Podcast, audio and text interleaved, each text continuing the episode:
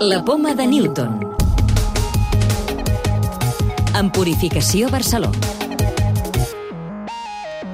Bacteris modificats han demostrat en ratolins que poden combatre amb eficàcia malalties pulmonars fins ara de difícil tractament i amb una important mortalitat, com la fibrosi quística o les patologies infeccioses provocades per aparells de ventilació assistida. I dediquem el programa d'aquesta setmana, en el qual també us descobrirem una nova teràpia contra la bola i sabrem quina informació obtindrem de la missió espacial Keops de l'ESA. Investigadors del Centre de Regulació Genòmica de Barcelona han utilitzat un bacteri que tots tenim al pulmó, li han extret el material infecciós i l'han modificat perquè actuï com un medicament contra diverses patologies pulmonars. Ens ho explica Maria Lluc Sanà, responsable de la investigació. Han fet primer que res l'obtenció d'un xassis. El xassis és com si agafes un cotxe, li treus totes les peces que realment no són necessàries perquè aquest cotxe funcioni. Un cop tens aquest esquelet, que seria aquesta bactèria que està atenuada, que no produeix cap tipus de malaltia i que és capaç d'estar en el pulmó, hem ficat com peces addicionals a la bactèria que fa que pugui tindre les funcions desitjades que nosaltres volem fer que aquesta bactèria produïsca molècules dispersants i antimicrobianes. Volem dispersar biofilms, pel·lícules que fan bacteris patògens al pulmó i que són molt difícils de tractar mitjançant l'ús d'antibiòtics. Són un problema sobretot en malalties com la pneumonia associada a ventilació o la fibrosis quística.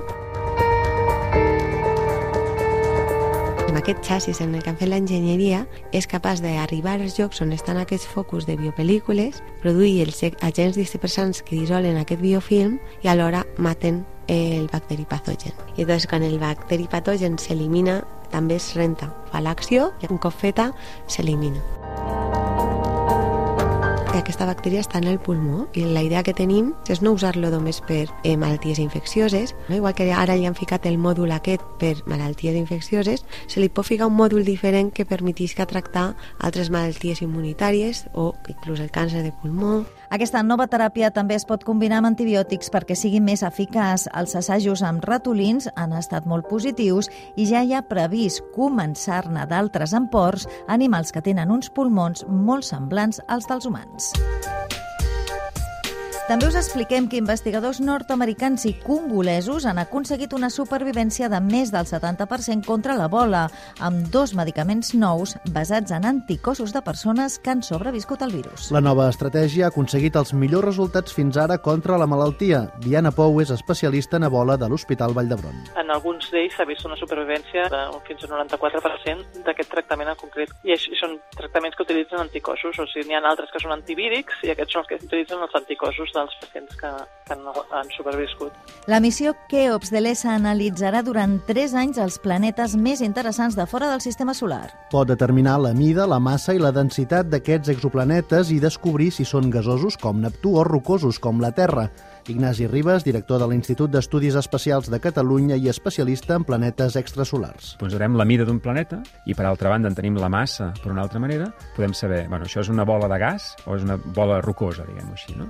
I respondre preguntes que ens ajuda també a entendre el nostre propi món i el nostre propi context, és a dir, com es formen els sistemes planetaris, per què tenen aquesta forma que els hi veiem, l'arquitectura, diguem, de les òrbites. Barcelona se situa als primers llocs en innovació tecnològica de tota Europa. Ho destaca el director executiu de SAGE, Luis Pardo. Barcelona s'ha convertit en un hub tecnològic, eh, però no solament a Espanya, sinó a Europa. De, de fet, som el cinquè hub tecnològic que hi ha a Europa i estem competint de tu a tu amb capitals com, com Londres al Regne Unit o amb ciutats com, com Berlín. Investigadors de l'Institut de Neurociències de la Universitat Autònoma de Barcelona han descobert que tres petites molècules poden ajudar a detectar l'Alzheimer en sang i en estadis primaris de la malaltia. En l'actualitat no existeix cap marcador en sang per poder diagnosticar l'Alzheimer Alzheimer i tampoc no es pot fer de manera precoç.